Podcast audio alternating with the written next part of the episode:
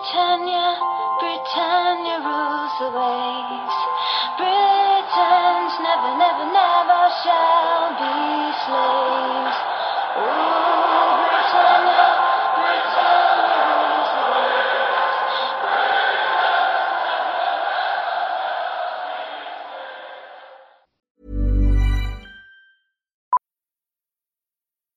Millions of people have lost weight with personalized plans from Noom, like Evan, who can't stand salads and still lost 50 pounds. Salads, generally, for most people, are the easy button, right? For me, that wasn't an option. I never really was a salad guy. That's just not who I am. But Noom worked for me. Get your personalized plan today at Noom.com. Real Noom user compensated to provide their story. In four weeks, the typical Noom user can expect to lose one to two pounds per week. Individual results may vary.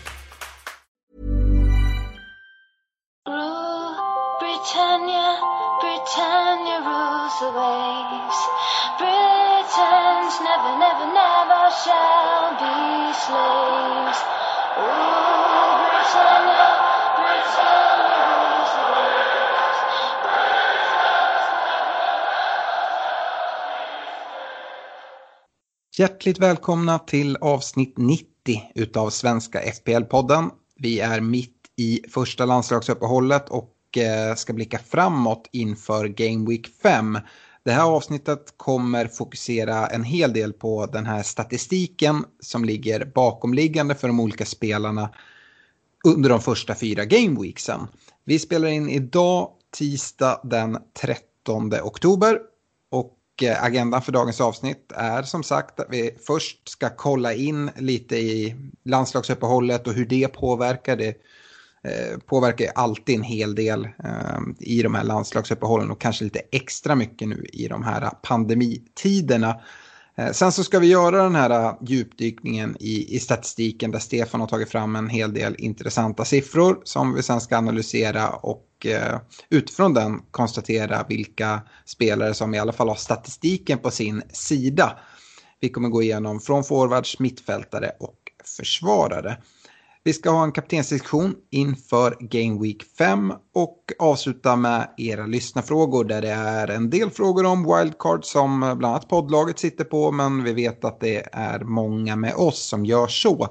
Eh, Stort tack till våra sponsorer i Olka Sportresor, Unisportstore.se och Glenn Sportsbar. Yes, eh, landslagsuppehåll som sagt. Vi har dock några spelare som har fått lite ledigt. Vi har eh, exempelvis Salah, Son, Pulisic och Matt Ryan som har haft ledigt och deras landslag inte har haft några matcher. Det är nog väldigt tacksamt i det här intensiva spelschemat och eh, sitter man på spelare som Salah och Son exempelvis så får de en välbehövlig vila här. Eh, en annan sak som eh, vi snabbt kan konstatera är att eh, vi har en eh, tidig deadline på, på lördag med ett Merseyside-derby som kickar igång 13.30.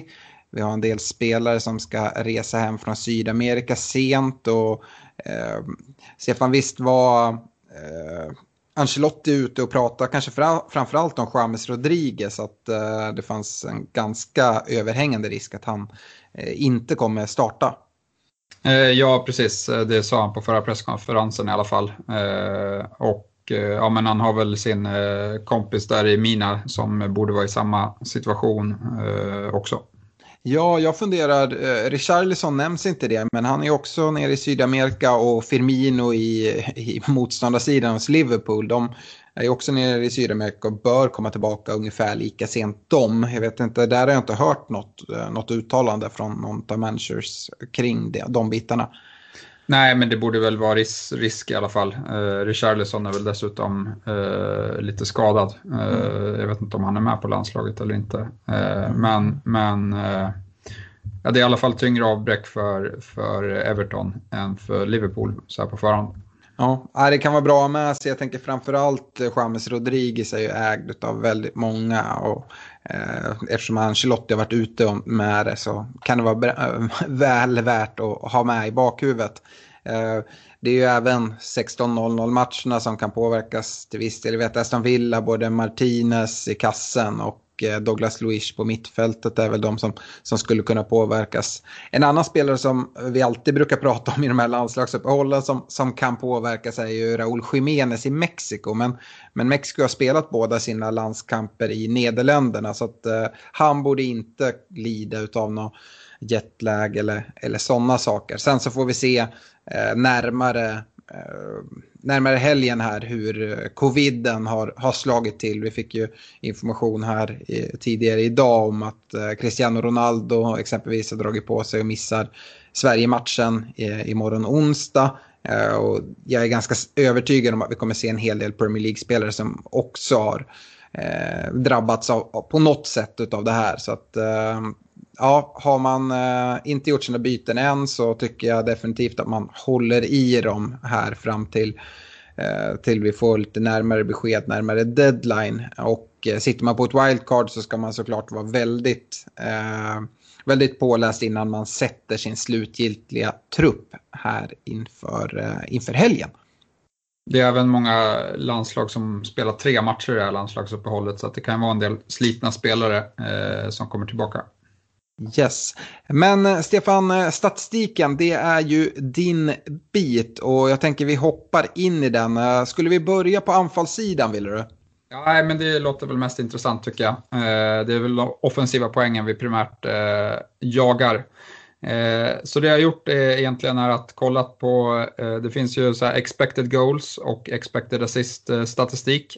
Så det är de siffrorna jag har utgått ifrån och sen har jag räknat om det och Eh, eh, kommer fram till hur mycket offensiva poäng det skulle leda till om man kollar på Eh, om, om liksom omsätter det i fantasypoäng eh, och eh, jämfört eh, alla forwards eh, som toppar där och lite också eh, anekdoter mot hur mycket poäng de faktiskt har plockat in i själva spelet bara för att få liksom en, en känsla av vilka som presterar bäst statistiskt sett och vilka som också underpresterar eller överpresterar i spelet. en, snabb, en snabb fråga bara. Har du gjort någon urskiljning på de här lagen som bara haft tre matcher, att det är per match eller någonting sånt med ett City, United, Villa och Burnley är det väl som har, har spelat tre matcher? Nej, men jag har kikat på lite mer spelare än, än brukligt och vissa kommer med på där man ser att de har spelat mindre minuter än, än andra till exempel. Så jag tror att vi fångar upp några av de lagen också eh, här. Eh, och sen har jag även exkluderat för eh, Eh, straffar då det kan bli rätt missvisande. Eh, men, men vi kommer ändå nämna vilka, vilka spelare som eh, har slagit in straffar här hittills på säsongen och som liksom kommer fortsätta ha chans att, att göra det framöver också. Men kikar vi på forwardsidan då så så toppas statistiken faktiskt av Calvert Lewin. och och eh, liksom det vi, vi får egentligen bekräftat här att hans säsongsinledning med, med fem kassar tror jag han har, har dragit in. Eh, sex va? Ja, sex, sorry, sex, sex kassar. Och, Visst, det är lite högre än vad hans expected goals eh, ligger på 3,7. Eh, men eh, det är ändå liksom bra underliggande statistik för att det här ska kunna fortsätta även framöver. Att han ska eh, göra en hel del mål i år eh, om Everton fortsätter se så här bra ut. Han, han kommer till eh, helt klart kvalitativa lägen. Eh, vi har sett i många matcher att det är tap-ins in i boxen och liksom eh, det, det är båda gott för, för poängen framgent. Han har dragit in 24 offensiva poäng i fantasy eh, mot hans expected på 15,3 så liksom lite överprestation men ändå liksom bra underliggande stats. Den enda spelaren på forwardsidan som kan matcha det här det är Harry Kane. Eh, han har gjort eh, tre mål och sex assist än så länge. Eh, men det är framförallt eh, på expected goals eh, där, där, man, där han kan matcha eh, Calvert Lewin eh, med att och liksom om, när man lägger på att han även eh, för, har förväntats göra eh, en assist. Då. Han har gjort sex assist men hans expected assist stats står på en.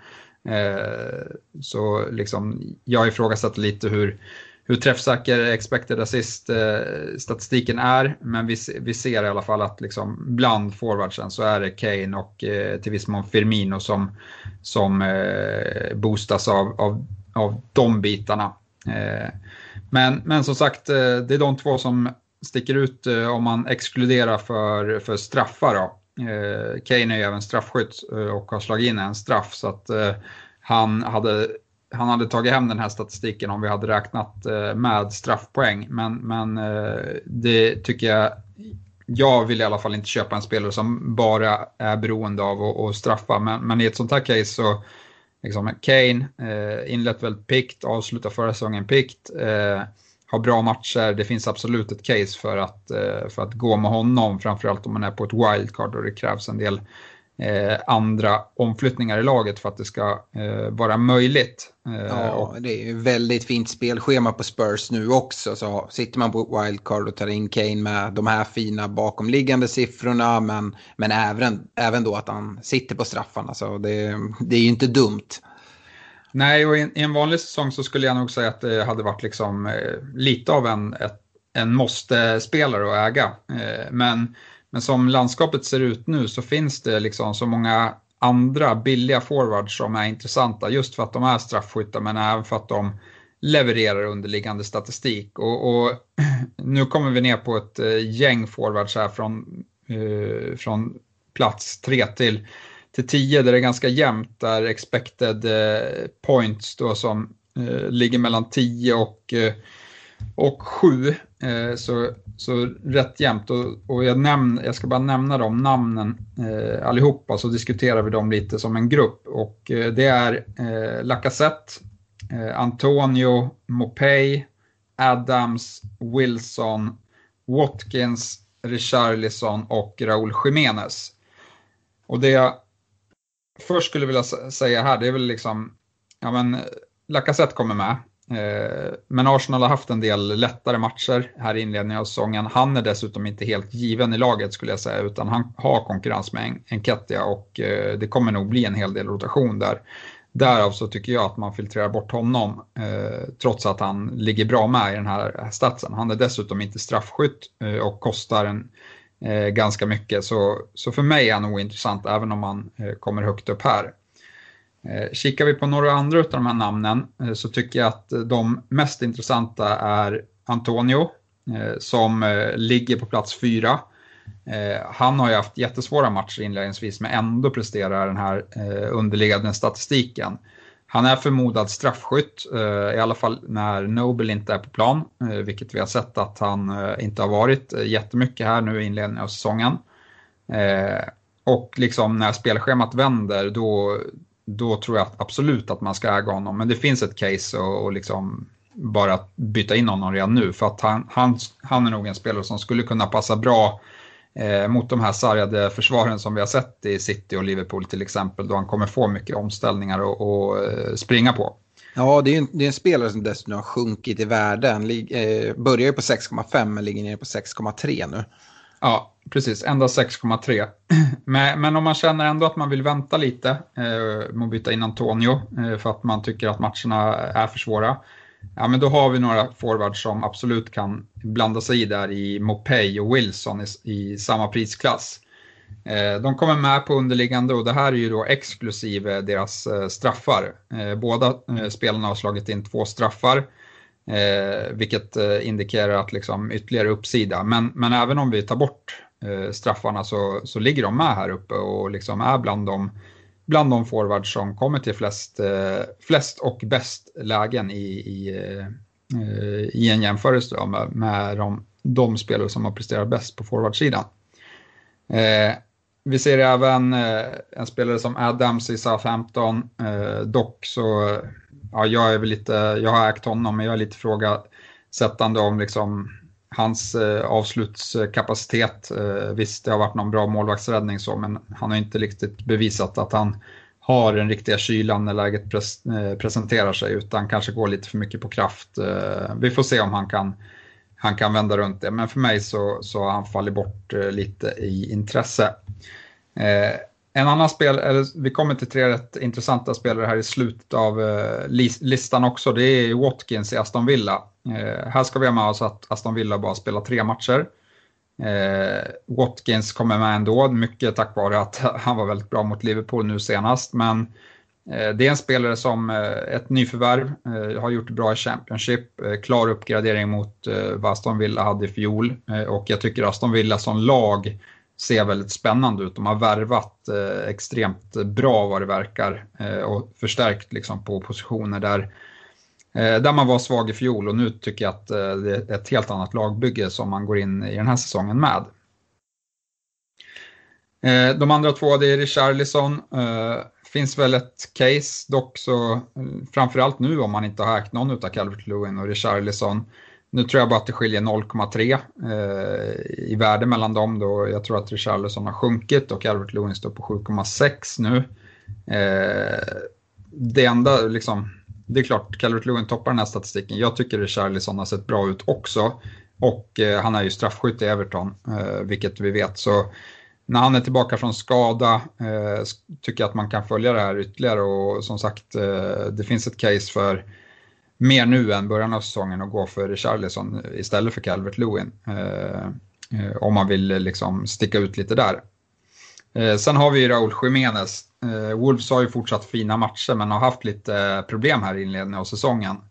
Eh, han smyger med på en tionde plats, inte fått någon straff eh, än i år, eh, vilket vi vet att eh, det är en, ett sätt som Jiménez eh, kan ta poäng på. Eh, så att eh, ja, hade man ägt honom så hade jag behållit honom nu för de fina matcherna, men jag tycker inte att han har visat tillräckligt mycket för att eh, liksom, eh, man ska fundera på att byta in honom här. Dessutom, eh, som, så liksom, nu sa ju du att landslags uppehållet hade varit lite eh, mildare för honom eh, för hans del den här gången då de har spelat sina matcher i Europa. Eh, så, så det är väl inte lika mycket av ett eh, problem. Men, som sagt, jag hade velat sett mer utav Jiménez om jag skulle byta in honom eh, i det här läget.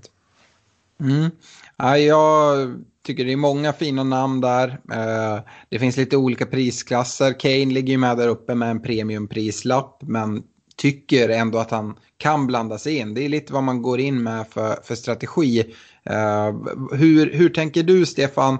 Eh, sitter man på ett wildcard nu till exempel, det är ju då man verkligen kan, eh, kan röra om lite. Eh, hur, hur hade du formerat ditt, ditt anfall? Det, det påverkar såklart resten av laget, men eh, ja, hur hade ditt val varit nu när det finns så många många billiga forwards. Vi ska väl även säga det, en som vi inte har någon statistik alls på är ju Brewster som, som lockar många för, för 4,5 som en tredje forward. Ja, precis. Så är man på wildcard, eh, man får ju såklart köpa in Brewster osett. Eh, det enda man har att gå på är att det är ett rekordförvärv för Sheffield och han borde få speltid omgående med tanke på ja, men att de bara har gjort ett mål i år och liksom har stora problem offensivt. Så så det är klart att man borde kasta in honom eh, ganska snabbt. Och han har ju bättre statistik än, än till exempel en, en spelare som, eh, som Watkins eller Mitrovic eh, hade i fjol i Championship så hade Brewster eh, bättre målsnitt eh, när han var där och spelade för Swansea än vad, än vad de hade i sina klubbar. Så att jag tycker att det finns eh, liksom eh, ändå lite ja, men så statistik för att eh, backa upp att han ska kunna göra det bra nu när han blir eh, förmodad ordinarie i Sheffield. Samtidigt så är det som, som med Brewster, nu är inte det här så mycket kopplat till det, just det här statistikgenomgången, men det är ju att det krävs ju inte jättemycket pengar för att gå upp till en, en Watkins eller sådär som ändå, eh, jag har, jag har väldigt mycket högre förväntningar på Watkins än vad jag har, har på Brewster, uh, för att ta det som ett exempel. Ja, precis. Nej, men eh, det kan jag hålla med om. För att det, det känns som att det finns väldigt många bra billiga forwards. Eh, och jag hade gått på, på billiga forwards. Frågan är om man hade gått på en 3-5-2 eh, och liksom satsa fullt ut på mittfältet eller en 3-4-3 eh, och då inte ha Brewster av utan kör på, på ja, Calvert Lewin och kanske två billigare eh, forwards och istället ja, men ta in en Zuzek som fem, eh, femte mittfältare till exempel. Mm. Eh, det, det är de två spåren för jag tycker finns för att eh, vi vet inte hur det kommer se ut med, liksom, nu har det varit extremt mycket mål här inledningsvis. Eh, vi kommer nog se lite mindre mål men liksom, eh, det är mycket, jag, jag, är lite inne på att det är mycket möjligt att, eh, ja, men det här att de spelar utan publik gör att eh, ja, men koncentrationsnivåerna kanske inte hålls uppe eh, lika bra och sådana faktorer som man inte har haft tidigare. Eh, vilket gör att eh, ja, men det sker lite konstiga saker i matcher och det kanske inte blir lika många nollor. Eh, vi får se, eller så är det bara för att eh, ja, men det har varit en kort försäsong. Eh, spelarna var inte riktigt redo mentalt och därav att man gör massa misstag som man normalt sett inte ser på fotbollsplanen. Mm. Har, du, har du helt lagt bort en tanke på att ändå eh, spela Kane eh, i ett, ett wildcard-lag nu till exempel och eh, kanske gå med Brewster och en eh, lite billigare forward? Jag menar, där skulle man ju verkligen kunna sticka ut i alla fall en liten kortare period nu och haka på Spurs fina schema och kanske dubbla upp med både han och sån.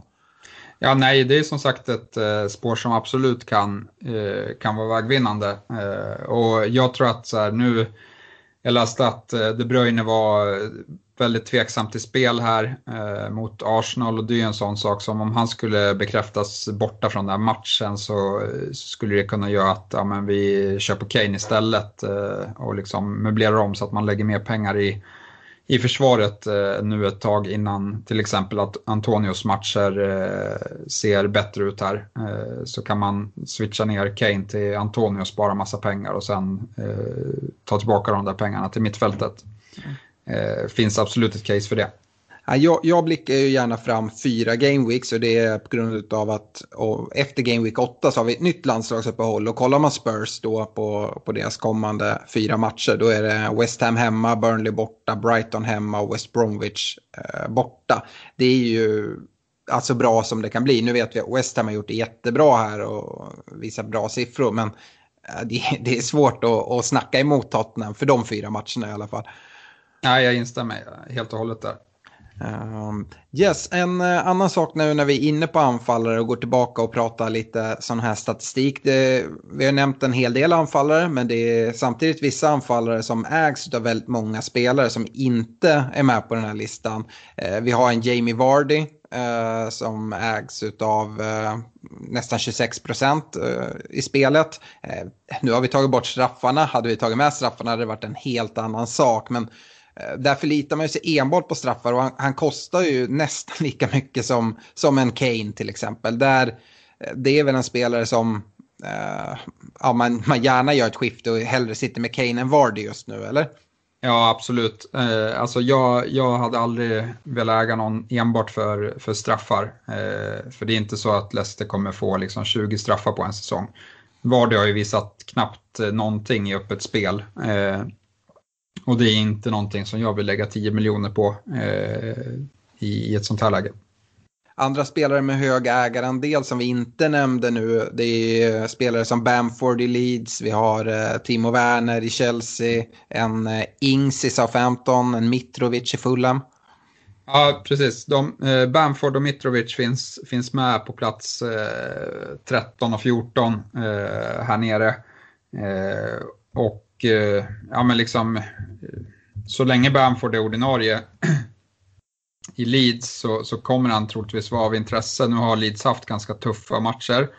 Eh, jag tror att de kommer vara bra över hela säsongen. Men den som kanske eh, liksom är mest intressant i Leeds, det är nog Rodrigo skulle jag säga. För att eh, han har ungefär lika underliggande statistik som, eh, som Bamford. Men eh, på hälften, eh, ja, liksom hälften av spelade minuter så visar det sig att han blir ordinarie så tror jag faktiskt att han kommer vara ett bättre val än, än Bamford. Mm. Ings och Werner då, ska vi säga någonting där innan vi går vidare till mittfältet? Ja, men som, som sagt, eh, Werner, jag tycker Chelsea har, liksom, det kommer ta en stund har vi ju fått erfara.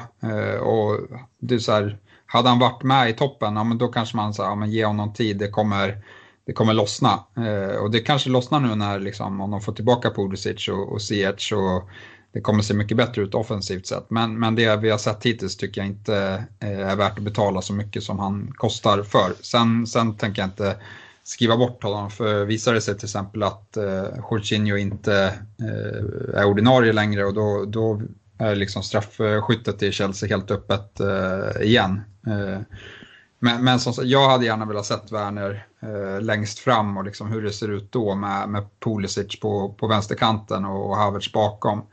Eh, få, få, få, och liksom, jag kommer inte byta in honom innan jag har sett att det ser lovande ut. Nej. Eh, ska vi gå vidare på mittfältet eller vill du nämna någonting mer på forwardsidan? Nej, men jag tror att vi har diskuterat eh, de flesta intressanta namnen. Eh, som, som sagt, Mitrovic han finns med där nere, han är straffskytt, eh, budgetforward. Ja, och det ska, det ska man väl också säga med, med Fulham. De har också ett fint spelschema nu fram till eh, nästa landslagsuppehåll. Så eh, de har Sheffield United borta i Game Week 5 följt av Palace hemma, West Bromwich hemma och därefter West Ham borta. Så att de fyra matcherna ser ju bra ut för Fulham. Sen så om man ska sitta kvar med honom eller inte, ja, där får man väl gå på sin egen magkänsla. Men spelschemat säger inte att man måste skicka iväg Mitrovic i alla fall. Nej, precis. Eh, nej, men mittfältare då. Eh, jag tänkte eh, nämna lite fler namn här, då är det fler eh, platser i bygget som vi ska avhandla. Så eh, Högst upp på listan så, så hittar vi faktiskt Mané. Eh, det här får vi dock säga att är exklusive straffar. Eh, med straffarna så, så har Salah bättre statistik. Kollar vi expected goals eh, med straffar så, så ligger Salah på 2,9 mot, eh, mot eh, Manés 2,4. Eh, och eh, han har även skapat hela 14 chanser, Salah, än så länge mot Manés 6. Eh, däremot så har ju Mané eh, missat lite drygt en match här. Så att eh, eh, han har ju spelat mindre. Så jag tycker liksom att ja, men, det är väl lite som vi har varit inne på eh, hela tiden. Att ja, men Salah eh, är det säkra valet med, mm, på grund av straffskyttet. Men eh, Mané kanske är den som, som ser allra bäst ut i öppet spel. Eh, Efter honom så hittar vi Son eh, som har tagit väldigt mycket poäng hittills. Eh, överpresterat sina stats ganska brutalt och jag tror att mycket av det var eh, från Southampton-matchen då han gjorde fyra mål på, på fyra lägen och där vet jag att han hade ganska låg expected goals. Jag tyckte väl att det var ganska bra lägen han, han kom i och som han satte dit dem så, så var det ingen tvekan om det och det kan vi väl också flagga för att liksom de här bra spelarna ofta överpresterar sina expected goals. För expected goals, ja men kolla liksom på average-spelaren eh, och man gör ingen bedömning för eh, kvalitet utan det är mer liksom av vart eh, kom skottet ifrån, vilken vinkel var det till mål och, sådana saker som är avgörande för det. Det skulle också kunna vara årets understatement att du tycker att det var ganska bra lägen som kom till. Det var ju mer eller mindre rena frilägen. Jo, jag menar det och det, därför tycker jag att det är lite konstigt att när man kikar på hans expected goals eh, totalt för de här fyra första matcherna så är det på 1,8. Eh, och jag vet att det var ju mer eller mindre fyra frilägen han satte mot Southampton eh, och sen har han haft eh, en hel del andra lägen som han också liksom, eh, ja, mm. jag, jag, vet inte riktigt hur det såg ut mot United, hans mål där, men, men liksom, eh, han, tog, han tog mycket poäng mot United också. Yes. Nej men Son och Bowen kommer efter eh, Mané eh, och så är Salah på, på fjärde plats då. Eh, och här kan vi stanna till. Bowen är ju inte en spelare som man förväntar sig komma så högt på en sån här lista, men, men det bekräftar ju lite av det vi har sett, att West Ham är ett lag att räkna med så här i säsongsinledningen. Man har varit ganska tajta bakåt och även liksom hotat eh, rejält framåt genom Antonio, Bowen, eh, Zuzek kommer också finnas med på den här listan eh, längre ner.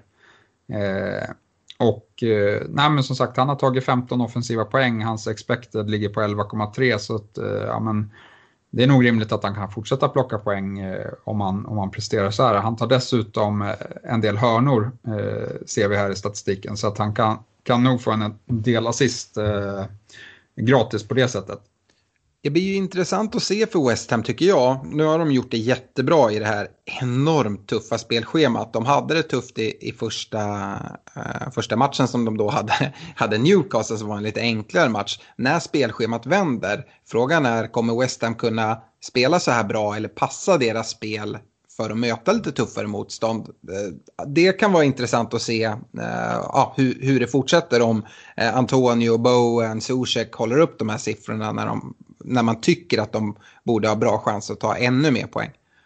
Ja, absolut. Vi får se hur det ser ut. Jag tycker väl att, eh, ja men, eh, en match som de, där de faktiskt var ganska spelförande dominerande, det var mot, eh, mot Wolves när de vann med 4-0.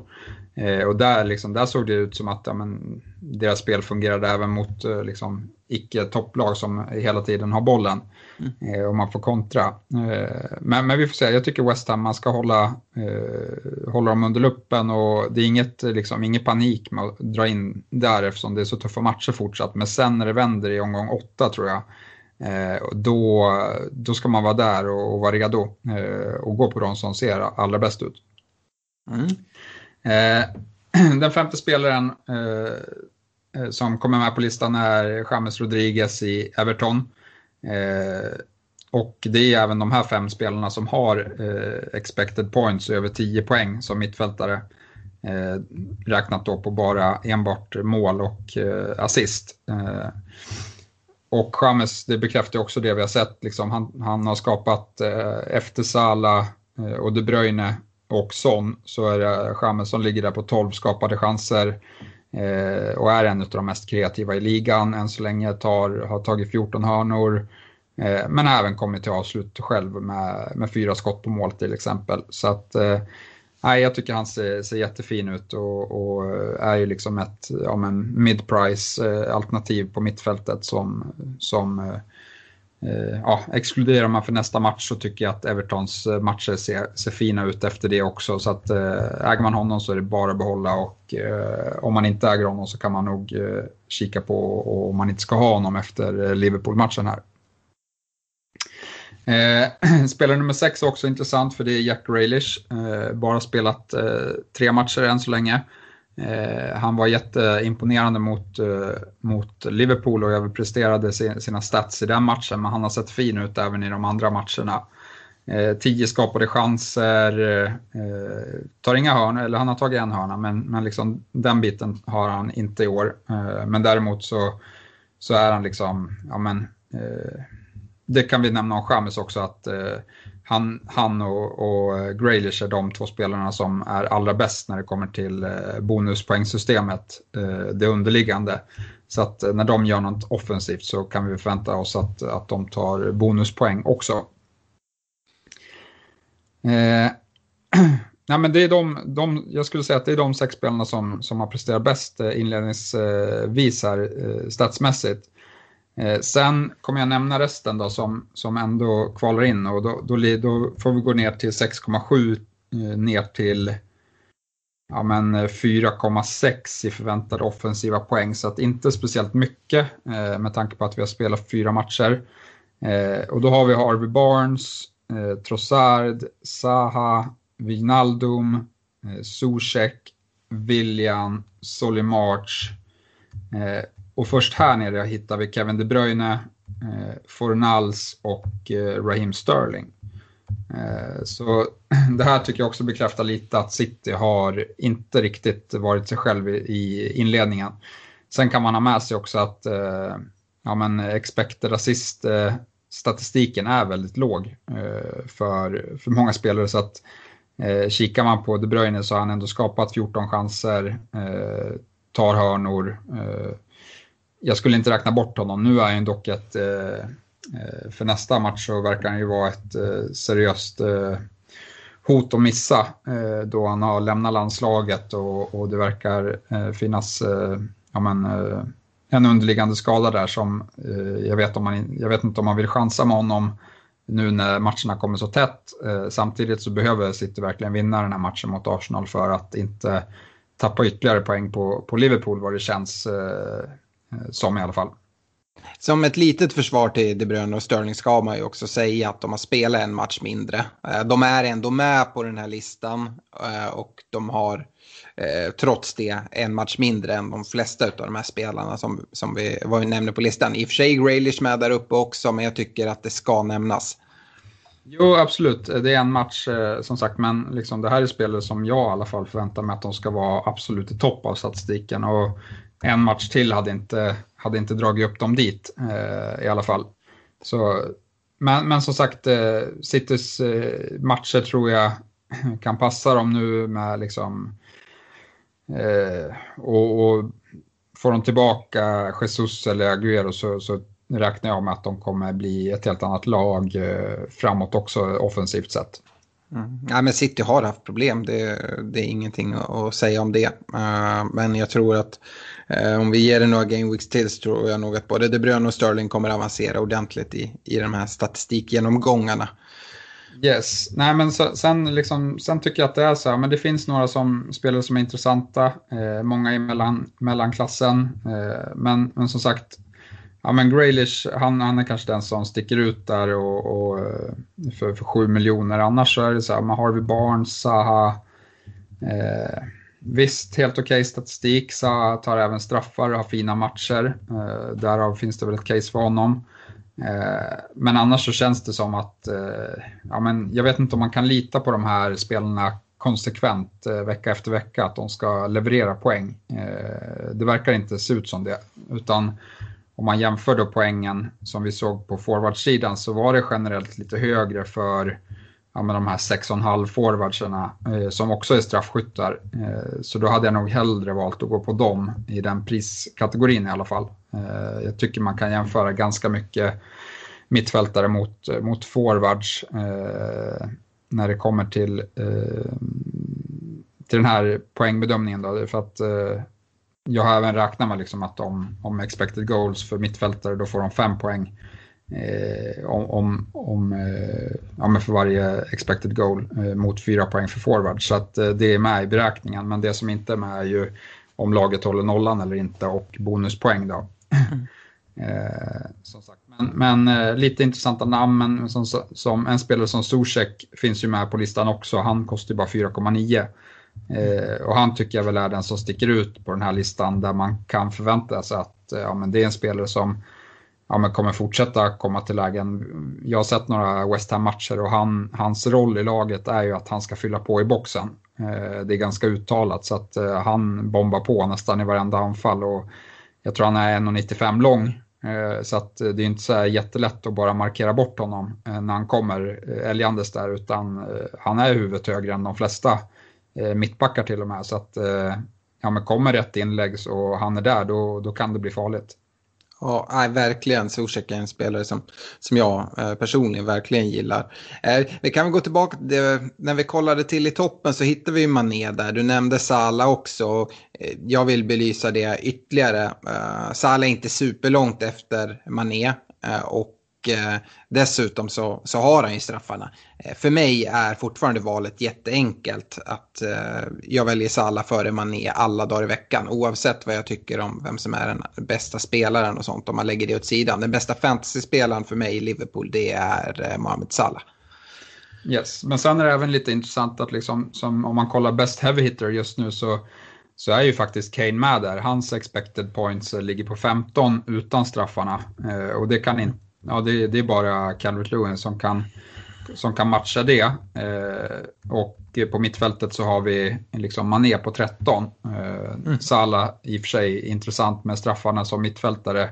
Men, men som sagt, eh, ja, men fortsätter sitt eh, och inte visa form då, ja, men då blir ju caset för Kane allt starkare. Eh, så är man på wildcard, eh, vi hissar upp en, en flagga för, för Kane faktiskt. Mm, men inte på bekostnad av Salah säger jag. Dessutom så gillar jag extremt mycket att Salah eh, helt har varit eh, ifrån landslaget. Den här, han har inte varit iväg på någon samling alls, precis som Son som vi nämnde. Båda de eh, ligger ju här uppe i toppen och tycker jag är självklara spelare i, i ett wildcard att man har och Son. Yes, och sen tycker jag att man ska ta med sig Trossard i, i Brighton som ja men liksom vi, vad hade han, fyra ramträffar mot United och eh, en hel del otur. Eh, ja. Och liksom, han har spelat samtliga minuter i Brighton och det var något vi absolut inte såg i fjol. Så att eh, ja, men Brighton är intressanta. När matcherna kommer då tycker jag att man ska vara där och kika om det är Trossard eller om det är Mopay man vill ha offensivt. Det, det är lite smaksak och hur ens övriga lag ser ut, men, men de två är intressanta. Ja, vill du säga någonting om eh, spelare som Aubameyang och Fernandes som ägs av ganska många lag som dessutom är straffskyttar då såklart men som vi inte har nämnt här i, i um, statistiken? Ja, nej, men Aubameyang tycker jag, han är inte speciellt intresserad av just nu. Eh, dels så är han ett skadefrågetecken eh, då han har dragit på sig något med landslaget, men han hade även ganska, ja men han var inte så framstående här de sista matcherna innan landslagsuppehållet. Eh, så att, eh, nej, inte speciellt intresserad där. Eh, Arsenal har dessutom lite tuffa matcher, eh, vilket jag tror liksom, han har framförallt gjort mycket mål mot eh, ja, men sämre, sämre lag historiskt. Eh, det kanske ändras nu med Arteta som manager, men eh, ingen jag kollar mot nu. Eh, Fernandes, eh, ja, men han, han har ju sett att ta poäng. Han tar alla fasta, han tar straffar. United har inte sett så bra ut, eh, vilket gör att jag håller mig borta. Men är det någon man ska äga därifrån så är det väl eh, Fernandes. Nu får vi se här, det har väl gått lite eh, rykten om liksom att han var jävligt förbannad i halvtid eh, och efter, mot Tottenham och blev dessutom utbytt. Eh, får se om det liksom ligger något i, om det kan bli något dispyter där med Solskär eller hur, hur det blir. Men jag förväntar mig att han spelar såklart. För mig är det bara ett bra tecken om han skäller ut folk efter den insatsen. Och eh, jag tror inte att det är någonting som, som kommer påverka på lång sikt. Eh, sen att eh, man tog ut han i, i eh, matchen mot Spurs där i halvtid. Såklart eh, Solskär behöver sätta ner foten och, och, och, och så. Eh, och dessutom så tror jag att Solskär kände att matchen var ganska körd där med, eh, i, i halvtid redan på grund av utvisning och resultatet som eh, redan då hade sprungit iväg lite, lite väl mycket. Ehm, jag förväntar mig att se Fernandes i, i startelvan här, här framåt. Sen så hur United kommer se ut och formeras här framåt är ju mer oklart. Och jag håller med dig där, man håller sig borta just nu. Martial missar en hel del matcher. Ehm, visst, Cavani kom in, han har inte spelat fotboll på länge. Svårt att se att han ska gå in direkt. Då kanske man behöver eh, spela Greenwood eller Rashford uppe på topp. Och så måste man göra andra omformeringar. Så att just nu så tycker jag att det är bara att avvakta där om man inte har, har gått in i United än. Yes. Och sen, eh, nej, det sista jag vill nämna om mittfältarna, det, egentligen, eh, det handlar egentligen om Sala. För att, eh, nu har jag inte statistiken från, från i fjol framför mig här, men, men jag vet att liksom Sala, han skap, då skapade han inte så mycket chanser. Han kom till väldigt mycket avslut själv och eh, ja, men rankade väldigt dåligt i det här bonuspoängsystemet. Det vi har sett från Salah hittills i år, det har varit en helt annan spelare. Han, har, ja, men liksom, han toppar tillsammans med De Bruyne antal skapade chanser, eh, kommer till kanske lite mindre eh, avslut per match, men, men rankar eh, istället bra i bonuspoängsystemet. Så det tycker jag eh, man ska ha med sig om det fortsätter se ut så. För att eh, liksom, tesen har ju varit lite att ja, Salah, han måste nästan göra två offensiva eh, utdelningar för att få med sig någon bonuspoäng. Men, men eh, det kanske inte stämmer längre om det fortsätter så här. Nej, verkligen. Eh, så att, nej, det, det stärker bara ytterligare caset för, för Sala som nästan en, en måste-spelare i mina ögon. Yes. Gå vidare till försvaret eller? Yes, uh, här tänkte jag väl, jag får se hur mycket vi nämner, men vi kikar på de tio första uh, och här kikar vi även lite på hur det ser ut uh, för, ja, men med bonus och vilka lag som har presterat försvarsmässigt. och topp, absolut, den som sticker ut som nummer ett, det är, det är Robertson i, i Leeds, i Liverpool, sorry. och ja, men här, här, det bekräftar lite av det vi har sett eh, eh, hittills. Han, han, har kommit till lite, till lite, han har gjort ett mål, han har kommit till lite, något bra läge. Så, eh, men han matchar eh, Alexander Arnold som ligger på plats eh, eh på plats åtta på listan eh, på ett helt annat sätt än vad vi såg i fjol. och en del av det är ju att Robertson tar mycket med fler hörnor i år och andra fasta situationer. Eh, hittills i år har han tagit 20 hörnor mot Alexander Arnolds 11. Eh, så att, eh, ja men det tycker jag liksom, och nu finns det ju ett case för att jag tror att Liverpool eh, liksom kan vara bra, men, men frågan är hur länge Allison blir borta nu, hur det kommer påverka deras försvarsspel som redan har sett ganska, ganska eh, knackigt ut. Eh, jag tycker det finns ett case för att bara gå med en eh, back. Jag hade inte gått utan med tanke på att de är så imponerande offensivt och kan ta väldigt mycket poäng när det väl kommer en nolla. Eh, liksom nolla, bonus, offensiv poäng. Det blir, det blir väldigt mycket på en omgång. Eh, men, men som sagt, att gå med en därifrån så finns det absolut ett case just nu för att eh, gå med Robertson över Trent. Ja, alltså, ja, ja, jag håller med. Ja, det är exakt vad jag kollar på i mitt wildcard eh, just nu. Yes, och det, den, det enda som, eh, liksom, den enda fördelen som eh, Trent har det är väl att ja, man har skapat några fler chanser Eh, och han har rankat lite bättre på bonuspoängsystemet. Han är faktiskt eh, en av de bättre eh, av samtliga på listan. Eh, han och Digné tillsammans med Orier som har spelat en match eh, är de som, som rankar bra där. Så att visst, han har, han har liksom S i rockärmen så, men, men han är dyrare. Jag hade gått för Robertson med tanke på hur han har sett ut i matcherna också. Det känns som att han har tagit sig in i straffområdet ja, men liksom kommit till avslut. Eh, och det har vi inte riktigt sett från, från Trent. Nej. Eh, sen följer vi upp här. Den här listan är nog lite tiltad mot dem, eh, ska vi säga, om, de om eh, backarna har kommit till mycket avslutslägen. Eh, så att några vi hittar högt upp på listan är till exempel eh, Keane i Everton, eh, Eiling och Dallas i Leeds. Eh, de tycker jag i och för sig är mer intressanta just med tanke på att många av deras chanser har varit i öppet spel. Och det bekräftar hur, liksom, hur offensiva de är i Leeds system. Dallas tycker jag från att ha sett några Leeds-matcher har sett mer intressant ut och fler av hans avslut har kommit inne i boxen.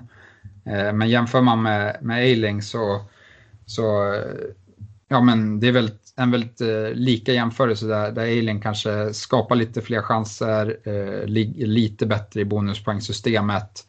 Eh, men eh, är ju såklart även mer given skulle jag säga då han är lagkapten. Eh, så där väljer man fritt med vad, man, vad man tycker magkänslan säger, säger rätt. Men de kostar 4,5. Kan Leeds visa upp att de kan hålla lite nollor då och då, då är de här två eh, ja, men, intressanta backar. Eh, vi ner sen, under dem så hittar vi Kastanj som har gjort succé. Eh, det kanske är lite, eh, han kanske har fått lite för bra utdelning eh, än så länge. Han har skapat fyra chanser och gjort tre assist eh, till exempel. Så det visar ju på hur klinisk eh, den som har fått de chanserna har varit och det har ju ofta varit eh, Jamie Vardy. Eh, sen hittar vi David eh, Sanchez i, i Tottenham eh, och Jack Robinson. Också sådana här spelare som, jag vet inte hur hållbart det är. Den här listan kanske, när vi kollar nästa gång kanske vi ska ranka mer på skapade chanser istället för eh, eh, eller expected assist istället för eh, ja, men, att väga ihop till någon form av poäng. För det skiljer väldigt lika, lite mellan dem och många av de här som har kommit högt upp här har kommit högt upp på grund av att de har en hög expected goals. Eh, och mittbackar till exempel som går upp på hörnor och får något läge. Ja, men det, kanske, det är väldigt svårt att förutse när det händer för, för det första. Eh, och eh, Eh, i vilka matcher, om det är mot topplag så hade man troligtvis inte spelat de här backarna ändå. Eh, utan jag tycker att det är mer intressant att se, ja, men den här matchen tror jag att det här laget kommer vinna de har en chans att hålla nollan och min spelare kan säkert eh, på något sätt få offensiva poäng. Det är lite så jag tänker med backarna i alla fall. Eh, sen på åttonde plats så, så har vi Trent Alexander-Arnold eh, på samma, samma eh, expected points då som Size och James Justin i Leeds. Eh, det är topp 10, men vi hittar några intressanta spelare under här också. Då har vi Masuako i, West Ham eh, återigen imponerande att en West Ham-spelare kvalar in på här och han har dessutom bara spelat tre matcher. Han har missat en match.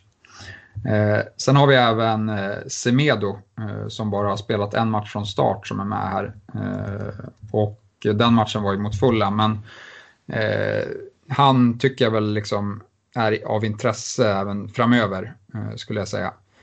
Eh, och Eh, under honom så, så kommer Digné. Eh, och här tycker jag att man ser lite skillnaden för att de har samma expected points. Eh, Digné har dock skapat åtta chanser och gjort två assist. Medan Semedo har enbart kvalat in på att han har kommit till ett bra läge. Eh, så jag skulle ranka Digné klart högre här. Eh, och det är, om man kollar på chansskapandet så är det Alexander Arnold och Digné som, som ligger högst upp. Eh, följt av Robertson och Masuako.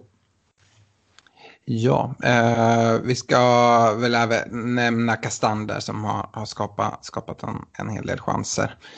Eh, yes, men så, som jag var inne på fått väldigt bra utdelning på, mm. på det. Eh, så eh, jag, jag håller mig faktiskt borta från Leicester. Eh, jag vet inte om, om eh, deras form är hållbar om man säger så. Nej, jag förstår helt din tanke där och sen har jag även flaggat upp det för, för Kastanje. Jag vet inte riktigt vad som kommer hända här när, när Pereira kommer tillbaka. Uh, vi närmar oss ju hela tiden, sen så tror jag som sagt att det är några game weeks bort. Men Eh, jag är ganska säker på att Kastan kommer få fortsatt förtroende men kommer förmodligen byta kant. Hur kommer det påverka honom? Jag tycker det finns oklarheter. Sitter man med Kastanja men då är man ju nöjd och är svinglad för alla poäng han har dragit in åt den. Men jag mm. vet inte om det är en spelare, jag, till exempel i mitt wildcard nu är det inte en spelare jag kollar mot. Sen får vi se, kanske, kanske verkligen uh, har fel där. Men jag tycker det finns en del frågetecken. Yes. Uh, en spelare som eh, jag däremot kollar mot i mitt wildcard och som sitter i bygget just nu som vi inte nämner här av en naturlig anledning. Det är Ben Chilwell. Jag tycker att det krävs ett omnämnande. Eh, han har ju missat eh, starten här på grund av skada. Men ja, vi såg ju en fantastisk insats och uh, det är en spelare jag, jag tror väldigt mycket på. Yes, han, han tycker jag eh, absolut man ska ha i åtanke. Även en spelare som eh, vad heter han nu, högerbacken i Brighton? Ja, Lamptey. Lamptey, precis. Han har inte heller kvalat in här. Det är troligtvis för att han inte har kommit till så många lägen själv. Men vi vet att han har sett väldigt fin ut, skapat en del chanser och liksom, eh, jag tror han har fixat två straffar eh, till och med. Det har han. Det är en helt annan spelare än eh, eh, Zuzek som du nämner. När Zuzek kommer in i straffområdet han är helt omöjlig att stoppa en 95 lång och bara kommer in som någon Jaya Touré i glansdagar. Men eh, Lampt är en annan spelare. Han kommer in i straffområdet och är liksom Uh, han är ju liksom upp till knäna på, på försvararna och uh, det blir väldigt lätt att man uh, kommer in lite, lite fel på honom, kvick som han är och så helt plötsligt blir det straff. Eh, är en spelare jag, jag gillar. Eh, men eh, det är lite, lite skillnad mot, mot Zuzek när han gör entré i straffområdet. Yes. Jag tänkte vi kan ju nämna lite om hur lagen har sett ut försvarsmässigt också. Och här är en lista där jag har kollat på ja, men, eh, hur många minuter det går mellan varje förväntat insläppt mål. Eh, och här är även exkluderat straffar, så att lag som har dragit på sig en del straffar här i inledningen har, eh, kom, liksom, har kommit högre upp på rankingen än vad de borde ha gjort. Eh, till exempel kan nämna de som faktiskt ligger först, eh, i, där man förväntas släppa in ett mål var 130 minut ungefär. Det är Tottenham Eh, men eh, tar man med att de har dragit på sig två straffar så, så faller det till 70, var 72 minut eh, som, som målen förväntas komma. Men någonstans så tycker jag att eh, ja, men, kolla på underliggande eh, vilka, liksom, vilka lag har ett bra försvarsspel utan straffarna. För jag tror inte att vi, kommer, att vi kan dra någon slutsats om att ja, men det här laget kommer dra på sig massa straffar. Eh, det, det är en väldigt svår analys i alla fall. Eh, men så Tottenham, eh, de ligger högst, eh, bäst försvarsspel än så länge. Eh, och det här är ju också justerat för eh, antal matcher då man kollar på hur många minuter eh, det går mellan varje förväntat insläppt mål. Då. Två på listan kommer Everton. Eh, det kanske förvånar en del. Eh, då, men, men, vi vet att de har plockat in till exempel Allan och Ducoré. Eh, varit inne på att det troligtvis kommer bli bättre. Det som är deras problem är ju att de har Pickford i kassen skulle jag säga. Eh, det, jag, jag, ser, jag ser honom göra misstag lite då och då eh, och det kan ju vara extremt frustrerande om man spelar bra försvarsspel i övrigt. Eh, sen har vi Brighton, också ett lag som har dragit på sig några straffar, men underliggande så har deras försvarsspel sett riktigt bra ut. ett insläppt mål var 115 minut enligt förväntan. och sen har vi även Aston Villa och West Ham som Eh, kvalar in på den här listan där eh, målen förväntas komma eh, var 107 minut och 102 minuter. Eh, så det är topp 5 på, på försvarssidan. Ja, jag tycker framförallt att vi måste stanna till vid West Ham där, eh, som har haft det tuffa spelschemat eh, dessutom. Du nämnde en spelare som eh, som Masuako i, eh, Eh, i försvarsgenomgången när vi kollar på statistiken. Eh, som du sa då, chances created fem stycken. Eh, West Ham spelschema vänder snart. Jag tycker West Ham imponerar och Masuako gör ju ett case när man, när man kollar på de här siffrorna. Ja, verkligen. Och man kan väl ta så här i Tottenham, jag vet inte om det är någon som sticker ut riktigt eh, därifrån. Eh, vi kanske får kika på Reg Reglion, hur han, hur han ser ut eh, när, när han eh, är inne i det. Everton, där har vi ju Digné eh, som är intressant. Brighton, vi pratar Lamptey. Eh, Aston Villa, där kanske vi inte har pratat någon, men, men Martinez är ju en populär målvakt som, som många har gått på. Och så har vi West Ham då. Hur kommer det här bli när deras spelschema ser bättre ut? Mm. Eh, vi kan nämna några lag till så, om man kollar liksom vilka förväntas släppa in eh, ja, men mindre än ett mål per 90 minuter. Då, eh, då har vi eh, några lag här som kommer, Southampton, Burnley och Chelsea kommer eh, släpandes därefter. Och det tycker jag är lite intressant för Southampton de hade ju en match där de släppte in väldigt mycket mål. Eh, men efter det så, så har eh, försvarsspelet sett eh, mycket bättre ut efter Tottenham-matchen när man spelar med lägre backlinje och, och, det har gett effekt. Jag tror att de har de två raka nollor Eh, efter det. Eh, så att Hasenhüttel har, eh, har skärpt till det där försvarsspelet eh, och det vi vet ju att Walker Peters har, har sett intressant ut offensivt eh, sett. Eh, så att ja, finns intresse där. Burnley, ett lag som har haft stora skadeproblem, ändå postar rätt bra stats. Det talar ju bra för dem framöver. Och sen Chelsea då med, med Chilwell. Eh, där tror vi mycket, vi har varit inne på att ja, men, eh det har varit en hel del misstag från Kepas sida. Nu har eh, Mendy kommit in. Eh, det kanske blir en helt annan grej nu. Ja, jag som sitter med hela, hela statistiklistan framför mig, precis som Stefan konstaterar ju också att United är bara enda lag som är sämre än de med West Bromwich på den här listan. Ja, precis. Och tar man dessutom med straffarna så är det väldigt tight race mellan de två lagen. Eh, nej, men, men det är inte bra. Och där, liksom, om, man, om man pratar whipping boys med, så, så är det tydligt att West Bromwich eh, med mer än två insläppta mål per, per match eh, förväntat. Men, men där, i den kategorin hamnar ju dessvärre även United. Nu är kanske en del påverkat att de släppte mycket chanser mot, eh, mot Spurs här, men nej, de har mycket att jobba på försvarsmässigt.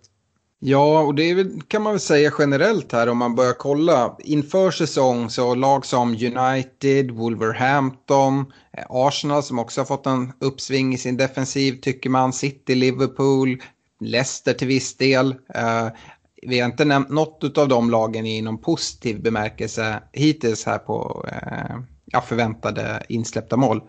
Nej, det är ju, det är ju under halvan på allihopa, inklusive Liverpool och Manchester City då, som, som kom ett och två i fjol. Eh, så att eh, mycket att bevisa för, eh, för de här dyrare, eh, för, förmodade bra försvaren. Mm. Uh, vad tror vi, är det någonting som kommer hålla i sig över tid eller förväntar vi oss ändå att de här lagen som haft väldigt stabila försvar i, ja, United ska man ju faktiskt säga var faktiskt riktigt stabila förra året och, och, och så. Wolves har ju alltid varit ett bra försvar. Liksom Wolves och United, ja, men de är slagna av ett lag som Fulham som knappt har en vettig försvarare i sin, i sin trupp. Ja, nej, eh, jag vet inte, men det här är ju på expected goals, så jag vet mm. inte om expected goals-siffrorna har stuckit ut så mycket. Eh, det man kan, ja men så här West, ja men så här, de som har skeppat lite för mycket mål kanske är, ja men eh, Liverpool kanske har skeppat lite för många mål. Eh, och, och Fulham och United och West Brom kanske något mer än vad de borde. Om man tar liksom West Brom statistik så borde de ha släppt in 8 men de har släppt in 13. Eh, Sådana saker kanske, men, men jag vet inte. Det är, det är väl mer oroande att de hamnar så långt ner. Eh, man förväntar sig att de ska vara statistiskt sett bättre. Mm.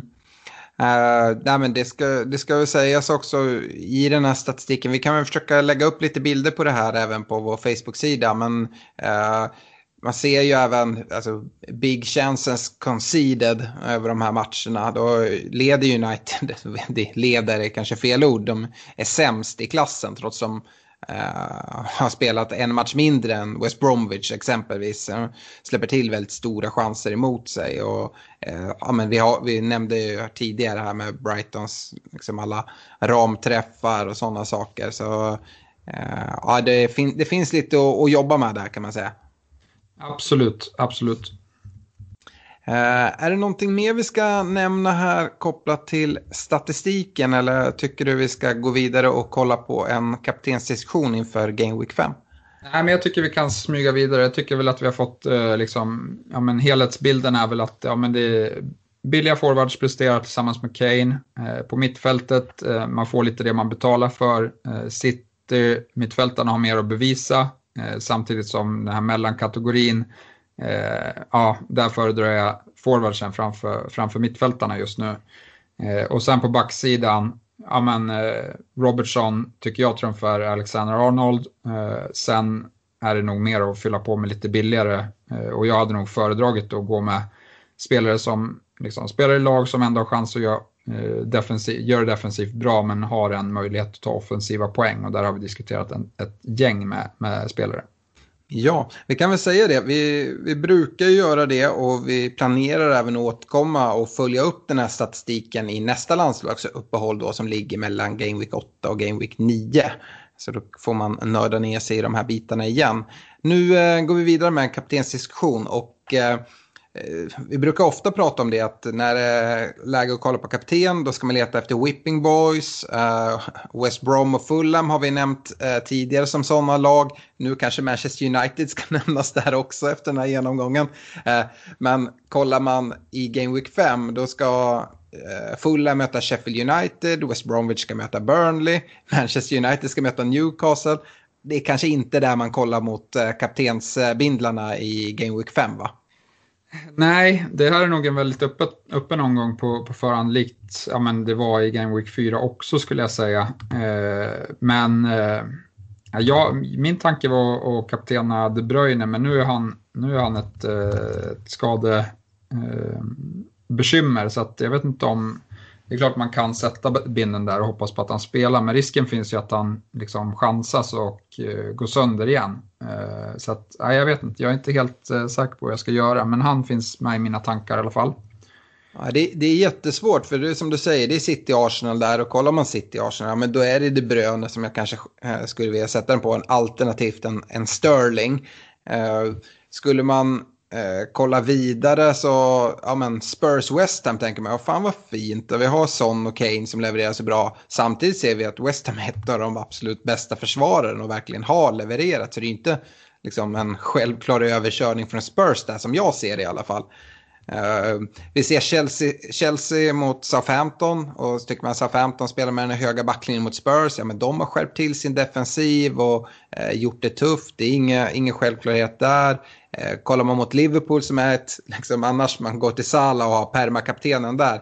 Ja, men det är ett Merseyside-derby ehm, mot ett Everton som har varit väldigt bra. Så att, jag tycker det finns liksom nackdelar med varje kaptensval jag kikar mot. Ja, nej precis, och det gör det ju öppet. Men, men eh, eh, det är klart, Sala ska nog vara med i diskussionen. Lite beroende på vilken, eh, ja, men, vilket skick Everton kommer vara i. Kommer de sakna James, Richarlison och, och Mina till exempel, då ger jag väl ändå Liverpool ganska goda chanser i den matchen. Men historiskt sett så har det varit eh, väldigt målsnåla matcher, eh, de där derbyna eh, på slutet. Så eh, nej, jag, jag, det är lite läskigt, eh, är det.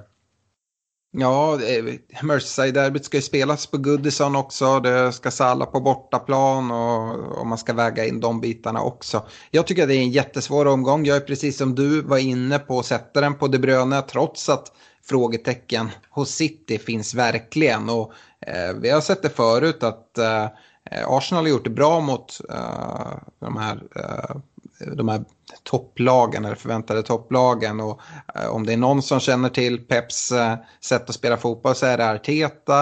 Eh, så jag, vet faktiskt inte alls hur jag ska göra. Just nu tror jag ändå att jag lutar mot att och kanske sätta binden på, eh, på Sala.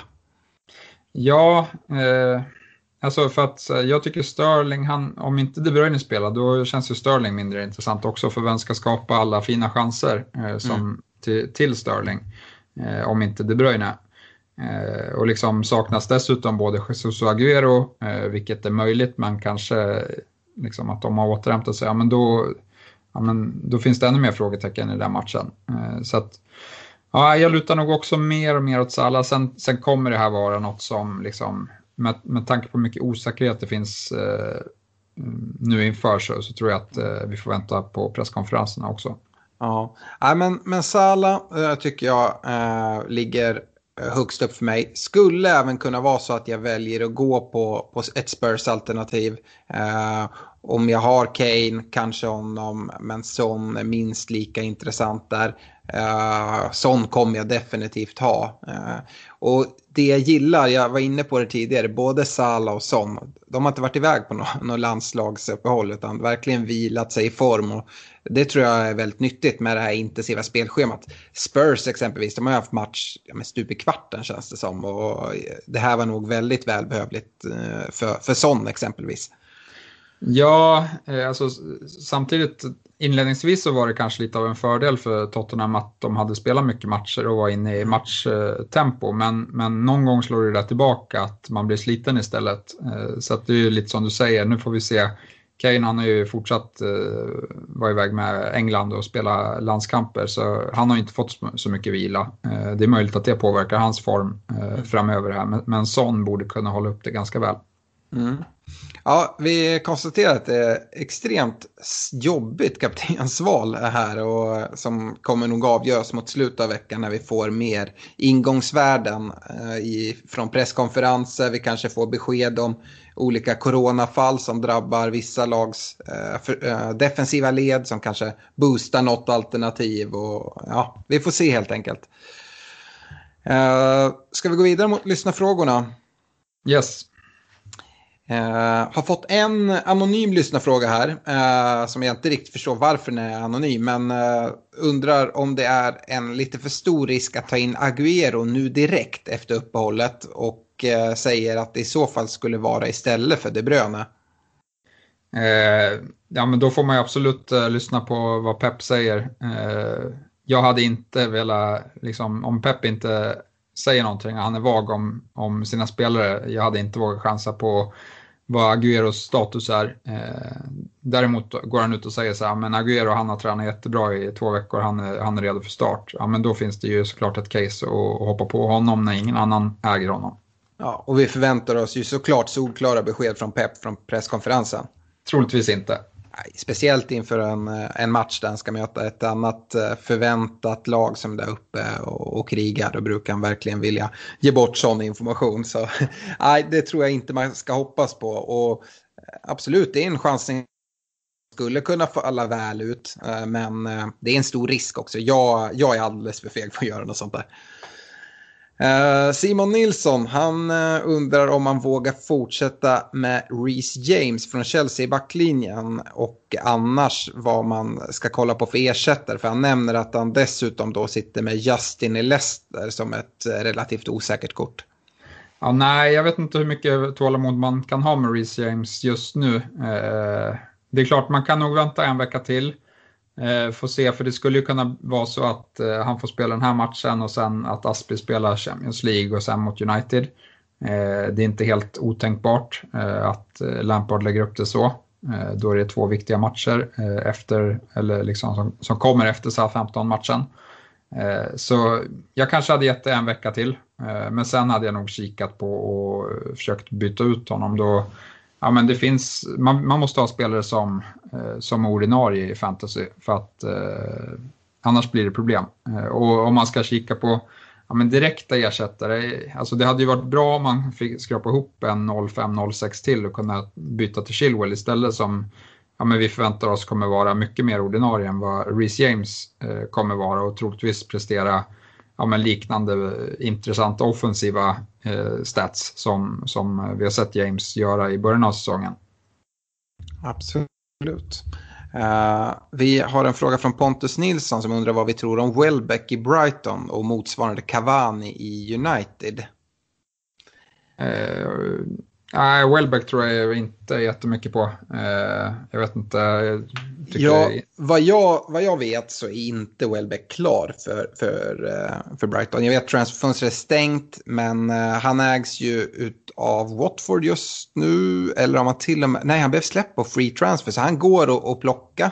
Eh, och har kopplats ihop ganska hårt eh, med, med Brighton.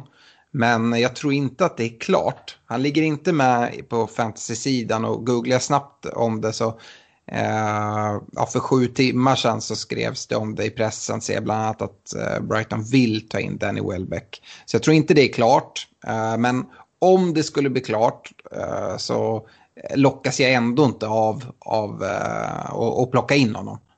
Nej, alltså Mopay kommer vara deras första striker och sen kommer det vara en plats där det roteras eh, troligtvis om de plockar in honom mellan Connolly och eh, Welbeck. Mm. Men, men Mopay som är straffskytt också, det är han man vill gå på i sånt fall. Mm. Eh, jag kan ju ta frågan om, om Cavani United. Det eh, ska bli spännande att se såklart. Det är, om man går tillbaka till Simons fråga där om, eh, eller den första frågan om det var för stor risk att ta in Agüero. Jag ser ju jättestor risk med att ta in Cavani också. För att dels så har Uniteds offensiv inte sett ut som att den direkt blomstrar just nu. Eh, det finns frågetecken där generellt. Jag tror Cavani själv är ingen som löser att Uniteds offensiv kommer se, se ut som en dröm. Och som vi var inne på i i föregående avsnitt så, så nämnde jag det att Cavani har inte spelat fotboll på sju månader. Eh, det är klart att han har tränat och, och så, men han har inte spelat eh, alltså, competitive games. Eh, jag eh, vet inte om han är redo. Nu eh, eh blev det någon självisolering för Cavani dessutom. Eh, så att jag är osäker om han kommer, jag tror inte att han kommer starta mot Newcastle till helgen. Men vi får se. Om han startar, ja, men då får man ju se hur det ser ut. Det, det är ingenting man tar in nu, det tycker jag verkligen inte. Uh, Martin Salin, han undrar om vi ska stå utan Liverpool-backar nu under tiden som Allison är borta. Nej, jag tycker inte det för att uh, jag tycker fortfarande att eh, de är så imponerande offensivt så att de kan mycket väl ja, men ta lika mycket poäng som, som motsvarande mittfältare. Och, så här, teoretiskt sett så kommer det komma nollor också. De ska till exempel möta ja, men nu Everton som kanske saknar sina nyckelspelare. Sen Sheffield som har gjort ett mål hittills. Eh, och så West Ham på hemmaplan. Eh, även om West Ham har sett bra ut så, så är det en match där det mycket väl finns potentiellt sett en nolla. Eh, så att nej, eh, en hade jag gått för men inte utan. Nej, jag, jag, tycker det är svårt det där också. En annan sak som talar emot det, det är ju att eh, går man utan Liverpool-backar just nu uh, så det är lite tufft att få in Trent och Robertson uh, och de här grabbarna eftersom de är så dyra jämfört med övriga försvarare i spelet. Uh, och sen som du säger, jag tycker de, de, de gör det bra offensivt. Nu har ju Robertson trumfat Trent men jag tycker inte att man heller helt ska snacka ner Trent. Han, har, han har, skapar ändå lägen och han kommer få sina de här monsterpoängen och folk kommer börja, det kommer börja snackas Trent eh, rejält eh, här, här framöver om inte allt för lång tid tror jag. Och de som då har gjort sig av med kanske eh, liksom alla Liverpool-försvarare, då de kommer helt plötsligt börja leta desperat sätt för att få in de här spelarna igen. Så att eh, gå helt utan det tycker jag är en alldeles för stor risk. Eh, ja, Tobias Karlsson, han är inne på det här som, som du pratade om, De Bruyne.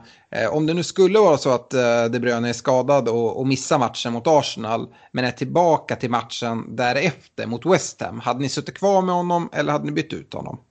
Ja, vi kommer ju inte få reda på om han startar eller inte. Eh, det, det, är väl grundtesen här, eh, så att det kommer vara väldigt osäkert.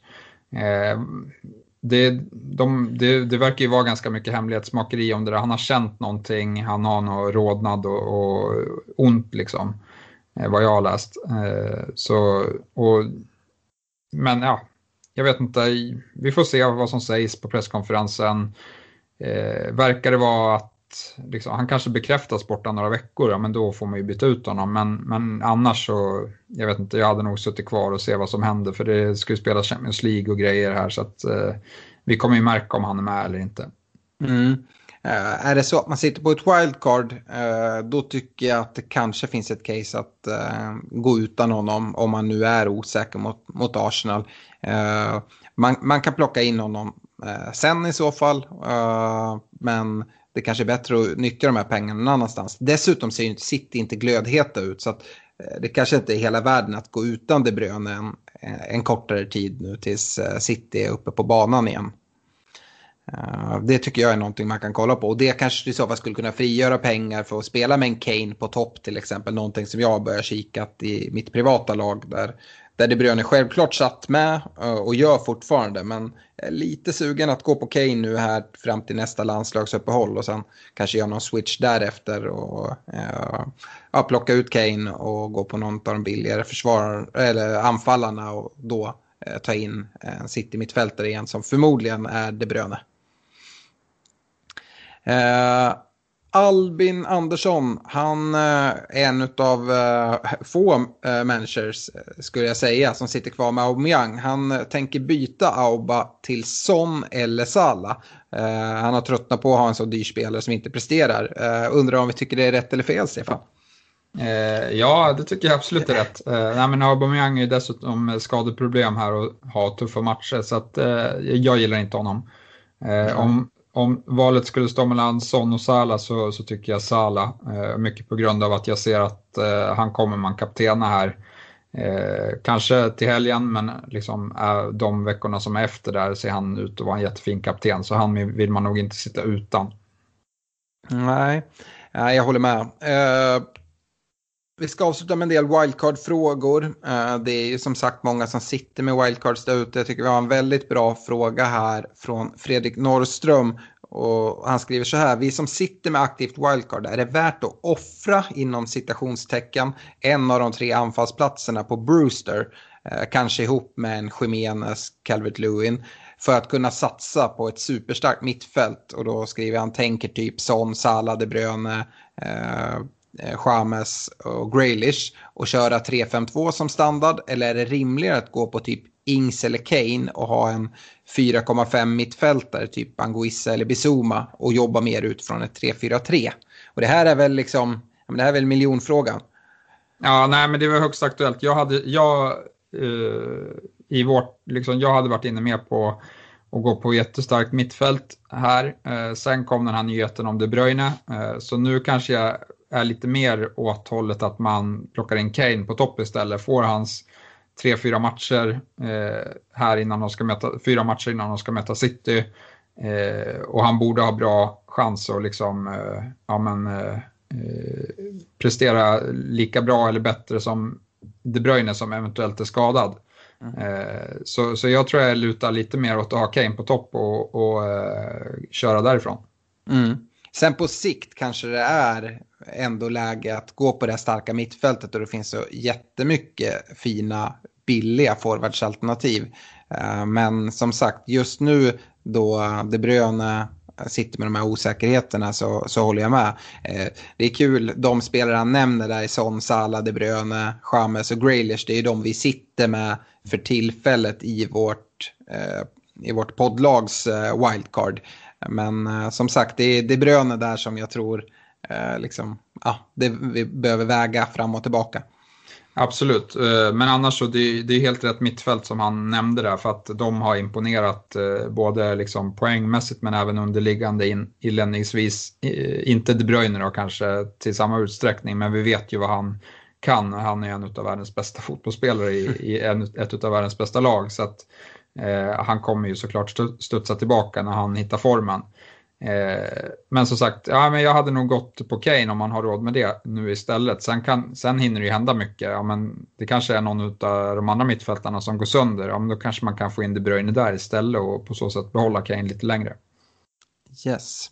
Ja, vi fortsätter med wildcard-frågor. Andreas Jonsson hör, av sig och han har faktiskt börjat sämre än vad jag har gjort. Uh, han säger att han 145 poäng här på fyra omgångar. Han har bestämt sig för att dra sitt wildcard funderar på att gå all in på ett premium mittfält eh, med De Bruyne, Salah, James, Son, Graylish, känner vi igen. Eh, medelklass i anfallet, typ Calvert Lewin och Wilson, samt fylla ut med riktiga budgetalternativ på målvakt och försvar. Tankar om det? Nej, jag tycker det låter som en väldigt bra plan.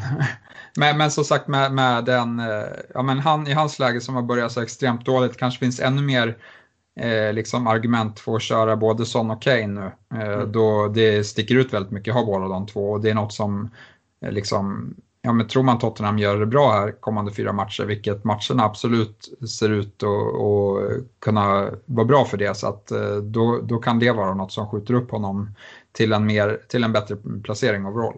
Ja, han har även skickat bild på sitt lag. Jag tycker det är svårt när, när vi skickar bilder här, men jag kan bara säga det jag tycker direkt med det här laget är att hans försvar är alldeles för billigt. Det här hade jag inte gått vidare med. Uh, nu ser inte du det, uh, Stefan, men han uh, har en trebackslinje på plan med om det är Dallas, Killman i Wolves och Mitchell i, i Crystal Palace. Eh, och det hade jag inte gått. Som sagt, du bör ha en Liverpool-försvarare där eh, ändå. Det får du liksom söka ihop pengar till och kanske eh, ha en billigare bänk. Om du nu ska spela en, en, en, två, en 3-5-2 då tycker jag att din tredje anfallare ska vara Brewster exempelvis. Uh, och där sparar du in lite pengar så kan du lägga det ändå på försvaret och uppgradera det lite grann. Uh, men annars tycker jag att det är fullt rimligt att, uh, att satsa framåt. Vi gillar även Chilwell väldigt mycket på, på, på backsidan. Ja, och det är också en lite dyrare spelare än de man har. Men alltså, nå, även om man går billigt bakåt så tycker jag man, man ska inte vara helt jag hade till exempel inte haft en Mitchell i ett, i ett wildcard i Crystal Palace. Uh, han har gjort det bra hittills men jag tror inte att han kommer hålla sin plats helt enkelt. Och Killman i Wolves lär inte heller hålla platsen. Och, nej, det, det är min tanke på det. Uh, Niklas Sjöström uh, skriver wildcard är draget och Chilwell känns osäker nu skriver han. Ska jag trycka in Calvert Lewin eller våga köra med detta mittfält och lovande anfall. Även han har skickat in bild på laget. Uh, jag tycker hans lag ser uh, bra ut. Uh, han har gått med det mittfält som vi har pratat om nu. Uh, De Bruyne, Salah, Graylish. Det är De Bruyne där som är osäker då. och billigt framåt. Han har Brewster, Wilson och Watkins. Uh, så det är väldigt billigt där och så har han då uh, ett lite bättre försvar med, med Robertson, Chilwell, uh, Cody, Wolves, Ailing, Mitchell, Martinez, McCarthy i mål. Jag tycker det ser ut som ett bra lag. Ja, nej, nu var det svårt att greppa alla namn där, men, men som sagt, jag kan väl bara så här, jag tycker det står och väger mellan liksom, hur man gör med mittfält kontra anfall nu med De Bruyne. Sen tycker jag att ja, men de budgetspelarna som sticker ut det är ju Brewster och på mittfältet så är det ju Zuzek. Eh, har man inte råd med Zuzek så, så kan man ju gå på ja, men Anguissa tror jag är ganska given i Fulham nu när han blev kvar och har imponerat till exempel. Mm. Anguissa eller Bizuma uh, ja, också. Både, ja. Uh, nej, men det, det jag gillar med det här laget mer uh, än det som Andreas pratade om det är att uh, ja, försvaret ser liksom Eh, Eh, med, dels så sitter Robertson där, han har Chilwell dessutom och sen har han en Wolves-försvarare i Cody. Eh, så att, eh, då har han ändå ett schysst försvar. Dessutom då Ailing som en, ett fjär, en fjärde back, det, det är bra i Leeds. Ja, jag tycker liksom nu när vi ser coronastatistiken skjuta, skjuta höjden i många länder i världen så, så tycker jag att man ska ta, ta det eh, liksom hänseende när man plockar ihop sitt wildcard-lag och ser till att ha ja, minst två spelande eh, spelare på bänken eh, är mitt tips i alla fall. Ja, jag tycker man ska gå riktigt, riktigt billigt på bänk. Men uh, gå billigt men ha startspelare. Och då är ju Brewster en jättebra tredje anfallare. Vi har Eiling och Dallas där i Leeds. Det finns fler 4,5 försvarare. Masuako i, i, Eh, i West Ham ska väl nämnas. Men uh, det finns det finns billiga alternativ ändå. Men eh, eh, se till att ha startspelare, det, det är nog ganska vist. Det är dels eh, coronan, men sen också det här tajta matchandet som kommer göra att det, vi kommer se rotation och, och, då vill man gärna få in någon eh, som, som lirar. Eh, Robin Aronsson, sista frågan. Han tänkte byta ut Mitrovic mot Brewster för att uh, ha råd att göra Traoré till Son. Är det värt att ta minuspoäng för de två bytena eller ska jag vänta en omgång tills jag har två fria byten? Uh, oj, mm. Mitro till, till Brewster. Brewster för Traoré. att kunna gö göra Traoré till Son. Det, det är nog ett byte som, jag hade väntat till presskonferenserna, men det är nog ett byte som kan vara värt minuspoäng för. Mm. Eh, potentiellt sett. Ja, jag tycker också att det kan vara för, värt minus för, liksom, ja, för Brewster har fullen på hemmaplan, vilket eh, liksom, man kan absolut spela honom i den matchen. Och, eh, ja, men han skulle kunna göra succé direkt.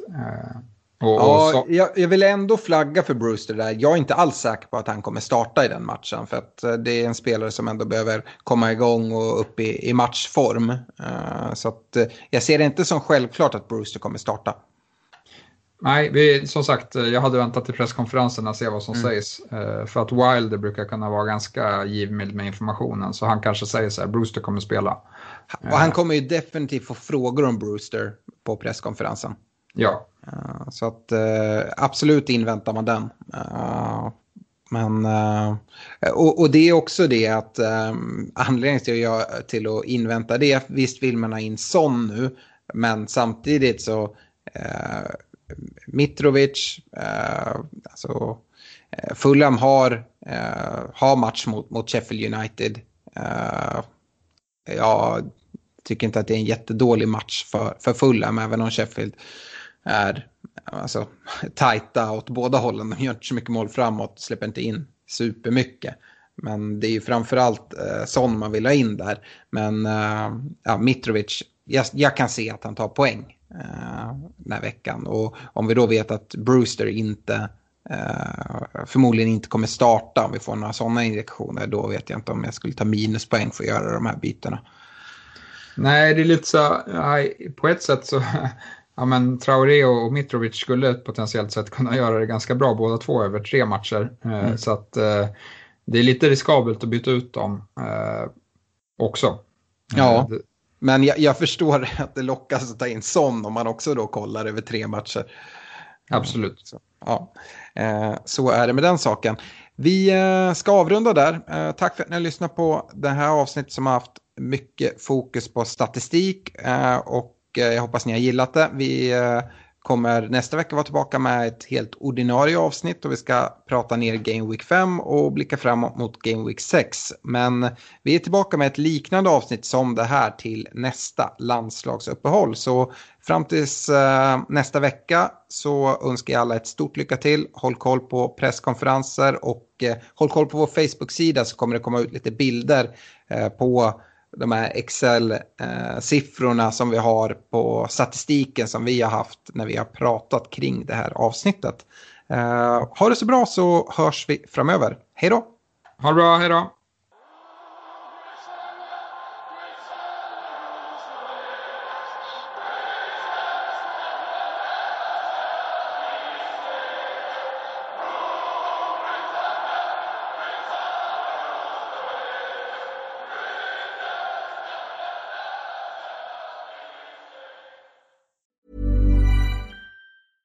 When your skin feels nourished and glows, you radiate confidence. Osea makes giving your skin a glow up easy with their clean, clinically proven Mega Moisture Duo. This seaweed powered duo features two of Osea's best sellers, Undaria Algae Body Oil and Undaria Collagen Body Lotion. Glow from the inside out. Get 10% off your first order with code GLOW at OseaMalibu.com. That's O S E A Malibu.com code GLOW.